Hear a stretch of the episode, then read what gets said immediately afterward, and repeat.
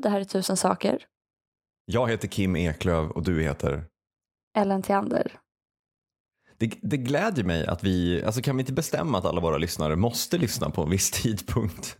Jo, det hade varit så himla trevligt. Jag tror att vi liksom, jag vill etablera diagnosen radioavund. Ja. Man kanske kan bearbeta vår podd lite också så att den, den sprakar som om man har lite så här halvtaskig uppkoppling. Eller uppkoppling säger man inte, mottagning på radion. Men det skulle vara mm, förgörande för oss om vi gjorde live-radio tror jag. För att när jag klipper så klipper jag bort Hälften. ja, hälften, hälften av hela podden. Och det är faktiskt hälften av ditt och mitt ljudspår ungefär. Men hälft, alltså det jag klipper bort från mig är för det mesta tystnad för att jag är knäpptyst majoriteten av tiden. Och sen så klipper jag bort hälften av ditt prat. Så, men det, för att du, tänk, du pratar medan du tänker och jag är tyst när jag tänker. Tror jag. Mm, ja, jo, det är otroligt sant. Jag, jag recenserar ju ofta, ofta det jag säger i realtid också. Alltså att jag, jag, jag säger grejer och sen eh, direkt efter så bara, det, det, där borde jag inte ha sagt. Alltså, som om jag liksom kan äpplesäta i, i realtid. Ja, Jag var på, jag var på ett, um, ett partimöte, jag, för lite refresher så är jag kommunpolitiker i Vänsterpartiet. Och um, åsikterna som framförs i den här podden är mina egna, men förhoppningsvis kan bli partiets åsikter. Nej, men, ja. eh, så var jag på ett partimöte och skulle liksom prata inför medlemmar. Och det gick ju ganska bra. Jag var där och pratade om, om infrastruktur, för det är det jag sysslar med. Tills liksom andra halvan av mötet, när jag kände att det var dags för mig att lägga fram min tes om varför högern är emot förnybart. Mm. Och det är ju för att de tycker det är lite bögigt. ja. Och för mig, alltså för mig är det en genväg till att säga att de, de, liksom, de är besatta av att demonstrera, alltså så här, demonstrera kraft. Liksom gammeldags maskulinitet. ja. Eh, ofta är de en stor, stor mängd korta killar som vill visa att nu jävlar kan vi ta i. Liksom. Eh, jag menar ju inte på riktigt att de är homofober. Nej, Eller att det i sin tur skulle vara dåligt om någonting var citattecken bögigt. du menar bara att Ulf Kristersson är kort. Nej, men jag, nej, Måste men jag kompensera. Upplever att det är något som finns liksom genom hela den, alltså, regeringsunderlaget, både på, alltså, både på liksom riks och kommunnivå, en, en liksom beröringsskräck för det väldigt, väldigt feminina vindkraft. Mm. Vi vet ju alla hur, hur sexiga linjer ett vindkraftverk har. Det är väldigt Ja. feminint. Det är skillnad Ja. från till exempel ett kärnkraftverk. Ja. Nu har det ju för sig, jag har inte tänkt på det, men alltså ett kärnkraftverk, du vet de här um, skorstenarna. De är ju liksom Mm. intagna i midjan. Alltså de är bredare i höfterna och sen är de intagna i midjan och så ja, just det, det har du rätt i. blir de bredare längst upp. Ja. Så de har ju en tim timglasform likt Ah. Marilyn Monroe. Det kanske ska vara, bli det här som är Vänsterpartiets nya linje. Att kärnkraft också är feminint. Åh herregud, kan vi, kan vi göra kärnkraft lite bögigt? Ja. Nu är för sig jag för kärnkraft. Alltså om någon vill bygga det, förstår du? Mm, Alltså mm. vill någon göra det, be my guest liksom. ja. Ha så Så kul. Ha så kul. Ehm, Knock yourself out. vattenkraft är ju ganska, är det ganska straight eller? Ja, Det är ju väldigt sexigt för man, man dämmer ju upp ett, ett behov av att liksom forsa ut och sen släpper man ut det lite grann. Och så byggs det upp en jävla spänning där. just det. Man kanske skulle kunna omvandla min lubrikation till ett energislag. när du sitter och väntar på din, eh, när du sitter och väntar på din Sjöman. sjöman. ja, precis. Vi kan bara ha en massa, Vibrerar. bara ha en massa köta sjömanshustrus. Ja, Sitter, sitter- får sitta och titta på havet. Där har vi planerbar kraft. verkligen. Man kan alltid lita på eran libido. Elva veckor åt gången liksom. Så kan man bygga något batteri som sparar energi. Ja just det, det är uppdämd, uppdämd sexuell energi ja. Mm. det är liksom energilagring. Det kan liksom lösa det här med, med solen och vindens icke-planerbarhet. Att vi, vi lagrar sexuell energi i alla dessa sjömanshustrus. Ja. Det, det, är klart att man kan vara emot vindkraft och solenergi för att du tycker att det är ett mindre bra kraftslag för att det inte är planerbart till exempel. Eh, och du får ett väldigt splittrat eh, elsystem. Eh, helt plötsligt blir elen jättedyr bara för att det inte blåser och det inte är någon sol. Men jag misstänker ganska starkt även i de fall där vi har pratat om att vi vill ha liksom solceller och vätgaslagring. Liksom. Eller solceller kompletterande eh, Eh, alltså solcellskraftverk som är kopplade till bara vätgasproduktion. Alltså du säger att det här är ett kraftverk som tappar in i solen när den finns och sen bygger upp ett vätgaslager som den sen kör ut när det inte finns sol. Liksom. Eh, men hela syftet är bara att producera vätgas. Det är inte att skapa, liksom, vi är medvetna om att den här kraften inte är planerbar. Därför är den styrd för att skapa vätgas. Ehm, även då upplever jag ett motstånd från den här sidan och då kan jag inte se någon annan än att de inte tycker att det liksom är redigt och kärigt nog. Mm. Och kärigheten kopplar jag in till att det också är, alltså att vara borgerligt är ju, alltså det, det borgerliga är ju traditionellt manliga. Liksom. Ja, alltså fascismen har i alla fall en sån koppling ju. Mm. Alltså fascismen är nästan eh, homoerotisk skulle jag säga. Alltså det, det är liksom manligt till den grad att det är liksom dyrkan, dyrkan av en stark manlig kropp typ. Ja, och ett, och ett visst, alltså det, är ju, det inrymmer ju också ett visst avsexualiserande av kvinnor. Alltså för att du gör bara om kvinnorna till landet. Och alltså typ Mm. moder Svea ska skyddas. Liksom.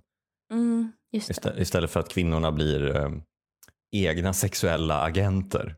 Alltså, så, Mm. så blir de liksom moder Svea och de, de som kanske ska föda barn och vara Mm. mödrar.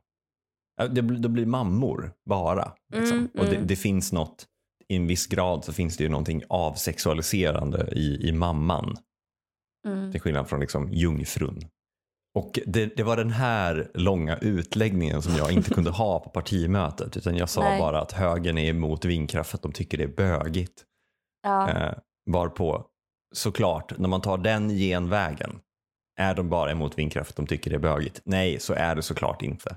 De tycker framförallt att det är lite tjejigt. Så då fick du eh, äpple exa, eller vad?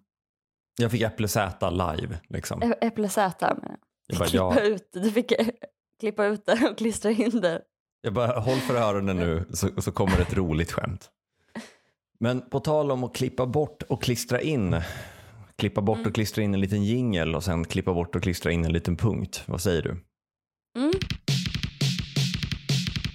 Punkt 158. Upphovsrätt och patent. Ursäkta en gammal piratpartist, men idéer är gemensam egendom. Dansk immaterialrättslagstiftning gör att man inte kan fota offentlig konst. Det är upphovsrättsbrott. Det betyder att det inte finns några bilder på den lilla hav, den lilla havfo. Om man ändå lyckats se en bild på den så är man en brottsling. Aj då. Har du sett en bild på den lilla havsfrun? Det har jag. Och jag har googlat henne många gånger också. Varför många gånger? För att jag i, i, alltså, ibland har dragit till med att säga den lilla havsfru och så har folk inte fattat. Aha. då vill man bara, jag refererar till en dansskulptur. Och så googlar man och så blir man förvånad över att det är ganska svårt att hitta bilder på uh, havsfru. Men det är då för att det är jätteolagligt. Ja, framförallt så den familjen eh, till Edvard Eriksen som har gjort den, Mm. de är ökända för att eh, ta allt till eh, domstol. Alltså de stämmer folk liksom. Men, men vad, vadå? Men alltså den är ju i... Det är väl ett offentligt konstverk, eller? Alltså är det inte Ja. danska staten eller Köpenhamns kommun som äger det? Det kan man verkligen eh, tänka sig och det, det, så är det väl. Men, eh, och i de flesta länder, till exempel Sverige, så får man ju fota offentlig konst. Men det är inte riktigt så i Danmark. Och det är, jag tror att eh, eh det är någon typ av EU-lagstiftning som man kan kanske tolka mer eller mindre hårt. Mm. Eh, artikel 24 i dan den danska copyright-lagen, eller upphovsrättslagen, mm.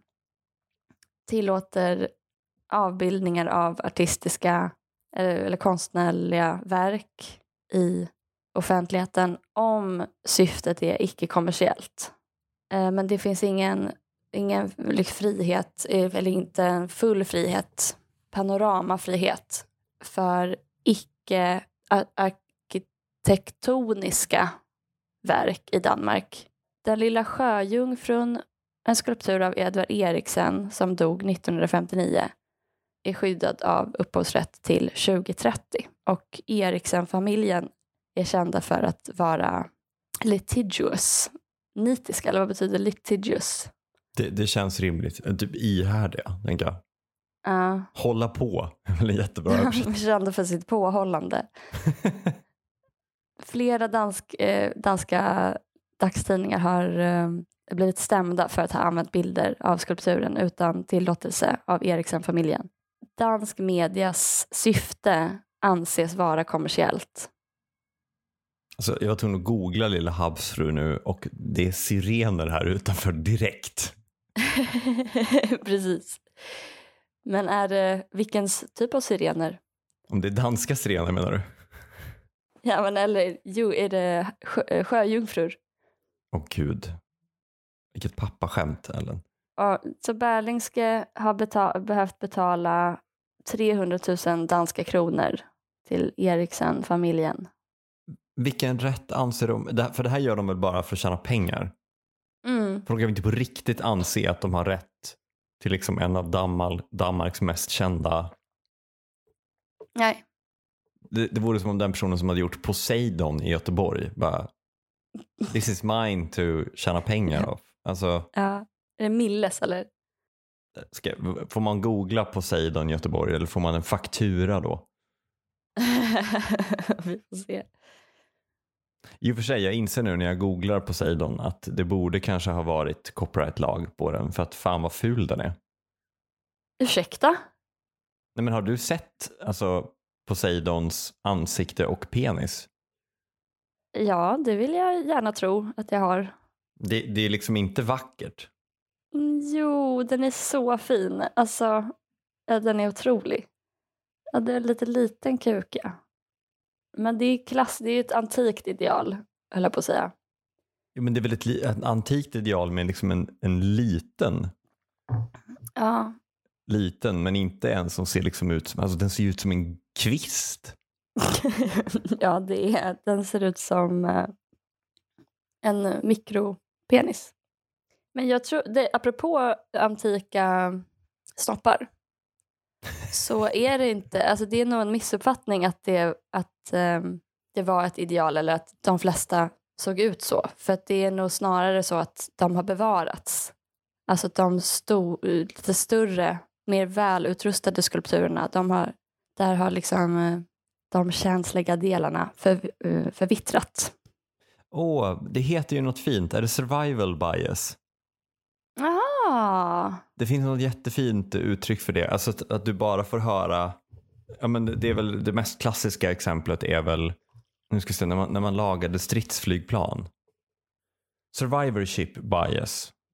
Ja, det var under någon av världskrigen så eh, tittade man på ett eh, på flygplan som kom tillbaka. Liksom. Eh, alltså man tittade på flygplan som kom tillbaka efter kriget och så såg man vart de hade blivit beskjutna.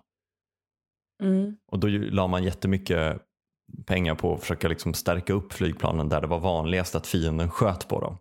Mm. Men då var det någon smart person som kom på att vi borde ju förstärka flygplanen där det inte är vanligt att de har blivit beskjutna. För att det är bara de, alltså de flygplanen får vi ju inte hem igen. Ah, alltså, just det. De flygplanen som har kommit tillbaka och blivit beskjutna, ja, men då, har de ah. blivit, då klarar ju de att bli beskjutna där.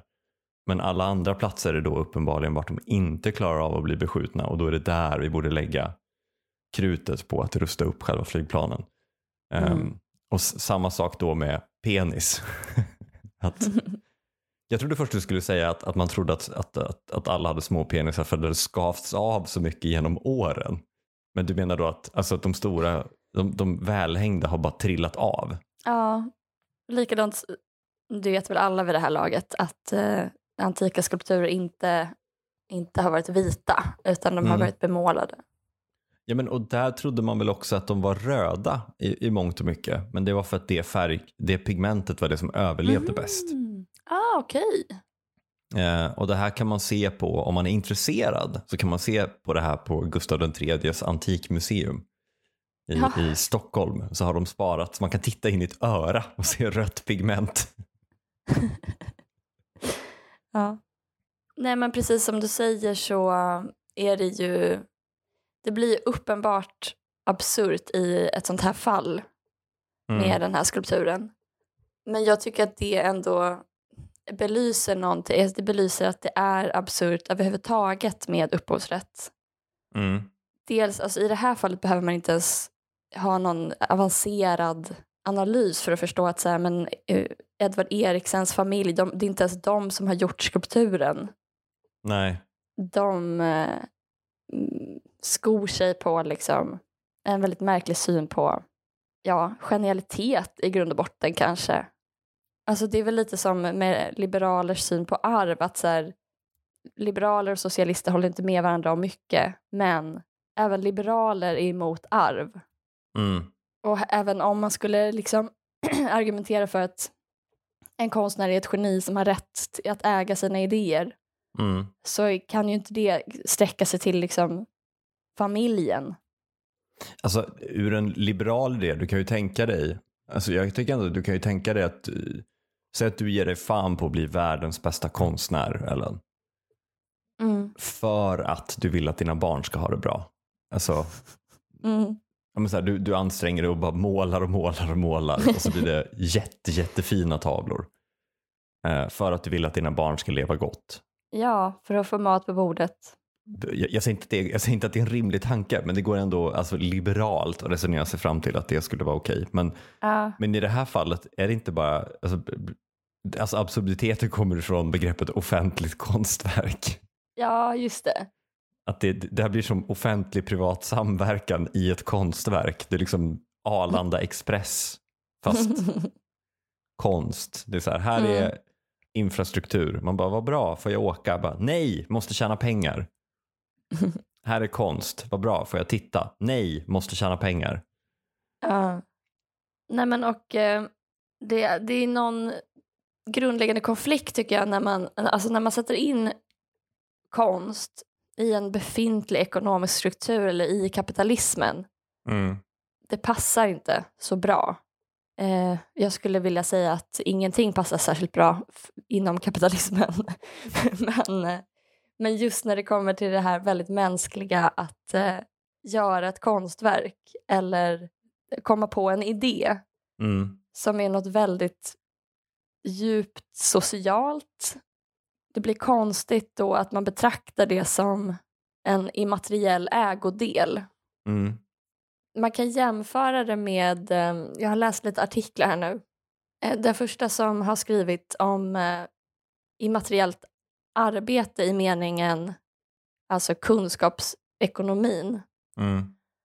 är en person som heter Maurizio Lazzarotto. Då jämför han eh, kunskapsekonomin eh, med just konstnärligt arbete och vad som, vad som händer. Att det är samma problem så att säga med eh, immateriellt arbete idag som, som, som vi alltid har haft så att säga med eh, konstnärligt arbete. Mm. Att, alltså, och problem att vi inte får in det i den kapitalistiska strukturen. Ja, jag tolkar det som att man förvrider alltså det, det faktum att man betraktar det som någon typ av arbete eller värdeproduktion eller att det ska passas in i en eh, produktionssystem Mm. gör att eh, liksom saker som i själva verket är mänskliga blir eh, korrumperade. Mm. Så bland annat så skriver han att eh, det är svårt att skilja mellan arbete och fritid. Varan, eller vad man ska kalla det för, blir snarare ens personlighet. Mm. Eller kapitalet kanske snarare är ens personlighet. I den här nya ekonomin då så kan arbete definieras som förmågan att aktivera och eh, kontrollera eh, produktivt samarbete. Mm. I denna fas måste arbetaren bli aktiva subjekt i koordinationen av de olika funktionerna i produktionen istället för att vara föremål för ett eh, enkelt kommando. Mm. Eh, så en kollektiv lärandeprocess blir eh, hjärtat i produktiviteten. Mm. De västerländska samhällenas nya slogan är att vi alla ska bli subjekt. Men att alla ska bli subjekt långt ifrån eliminerar antagonismen mellan hierarki och kooperation och mellan autonomi och kommando och återinför eh, antagonismen på en högre nivå eftersom den både mobiliserar och är i konflikt med arbetarens personlighet. Så subjektet blir en relä i eh, kodifiering och avkodifiering vars meddelanden måste vara, de måste vara klara och fria från otydlighet Mm. eh, i en kommunikationskontext som har blivit standardiserad eller normaliserad av eh, management. Eh, kapitalet vill att det ska uppstå en situation där kommandot vilar inom eller å, åläggs arbetaren inifrån. Mm. Och det är lite det här jag menar, för att det, det är det här som liksom i en, i, eh, där när kommunikation till exempel blir och tänkande blir en del av ens arbetsuppgift och det måste standardiseras och anpassas efter en produktionsprocess där du ska skapa värde eller då är det en så stor del som faller utanför det effektiva så att säga. Så att till exempel måste du då, som han säger, kommunicera tydligt eller du kanske måste tänka tydligt eller sammanhängande. Men det är egentligen inte kanske så naturligt. Alltså, eller det, det kanske inte är sant till exempel. Alltså att du omvandlar en komplicerad tanke med så här, å ena sidan och å andra sidan självmotsägelser och eller en inte ännu fullt utvecklad tanke där du behöver hjälp av andra eller du behöver läsa på för att utveckla något spår i din eh, idé som kanske kräver flera år av liksom, utforskande för att bli artikulerad. Det måste stå tillbaka för en liksom, tydlighet som är oförenlig med sanning på något sätt och som är Mm. oförenlig med mänsklighet. Det är väldigt kul också, ska se om jag hittar det, men han kallar eh, kommunikatörer för transportarbetare. Åh, det Och kanske är liksom- ett, ett sätt att freda dem från alla arga högerpersoner. Ja. Eh, han säger också, han försvarar eh, intellektuellt arbete eller liksom eh, tankearbetare, eh, ja, tankearbete. Dels så säger han att så här, det som är kännetecknande för den här typen av arbete är en kombination av kunskaper, skills, eh, intellektuella, manuella för att kunna då mm, framställa eh, det här som man har tänkt ut och entreprenöriella eh, färdigheter.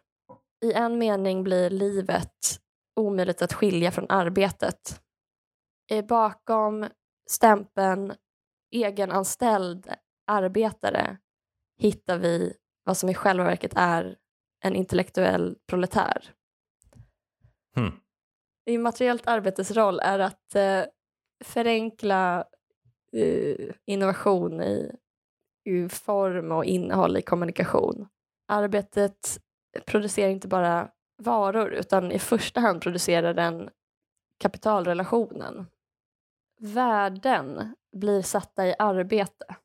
Förvandlingen av den ideologiska produkten till en vara förvrider den sociala fantasin som skapas av livsformer. Livsformer eller eh, livsvillkor är nu källan till innovation i första hand. Jag ska bara säga en till grej om jag får. Mm, självklart. Jag behöver dra om typ fyra minuter. nu är det bara jag som pratat hela tiden. Men det var, det, jag har längtat efter det. Har, och det är intressant och kul som det brukar vara när du pratar. Ja. Men okej, okay. men i alla fall. En annan grej som eh, är problemet med immaterial rätt, förutom att det liksom går emot människans natur, eh, är att det är inte, alltså eh, det immateriella är ju inte immateriellt så att säga. Alltså dels mm. om man bara tar typ tankar så är det liksom, för att verkligen ta ett idiotexempel så är ju det också så här fysiskt och kemiskt och liksom signaler i hjärnan.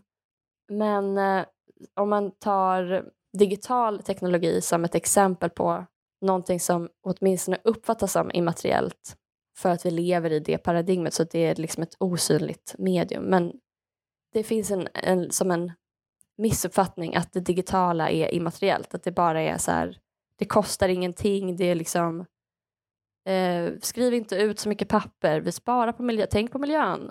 Och så här, när vi lever i den här nya ekonomin med den nya teknologin så kommer vi kunna spara energi på något sätt. Men så är det ju förstås inte och så är det ju inte egentligen men någonting så kallat immateriellt. Men till exempel det finns en, eh, en marxistisk filosof kanske som heter Christian Fuchs som har undersökt arbetare i eh, informationsteknologiindustrin. Han säger att eh, på grund av den lingvistiskt språkliga vändningen så har man ignorerat frågor om arbete i kommunikations och kulturstudier. Och sen så skri- hans bok handlar om, eh, den heter Digital Labour and Karl Marx. Och bygger på fallstudier så, om eh, låglöne informationsarbete, obetald övertid i indisk mjukvaruindustri och arbetares eh, exponering för giftiga kemikalier i kinesiska eh, fabriker där iPads produceras. Och bland annat då så liksom han listar alla mineraler som är involverade i liksom konstruktionen av digital teknologi. Många mineraler utvinns ju då i Afrika och särskilt i Kongo. Eh, Considering the demand of Western ICT industries for cheap mineral, he calls digital slavery the violent exploitation of labor in ICT related mineral extraction. Slavery is widespread in RDC's mining industry. Miners often work without basic equipment, using arms and fingers to physically remove the mineral, facing cave ins, malnutrition, exhaustion, poor sanitation, and exposure to extremely polluted air and water.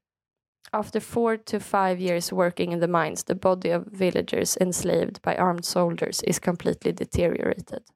Myten om en avmaterialiserad och tyngdlös kunskapsekonomi tenderar att fördunkla det faktum att datorer konsumerar enorma mängder energi och att många fysiska varor måste transporteras och säljas för att den här ekonomin ska fungera immaterialitetstropen fördunklar det faktum att arbete, material och naturresurser krävs för den digitala kulturen. Ja, det här var en väldigt lång eh, och lite splittrad prata men jag försöker bara säga att eh, det finns ingenting som heter immateriell för det första. och eh, man kan, och även det som är så att säga immateriellt, alltså idéer och konst, är liksom mm. gemensamt och det är socialt och det är beroende, man är beroende av massa människor och det är liksom någonting som förvrängs av att det ska passas in i ett produktionssystem.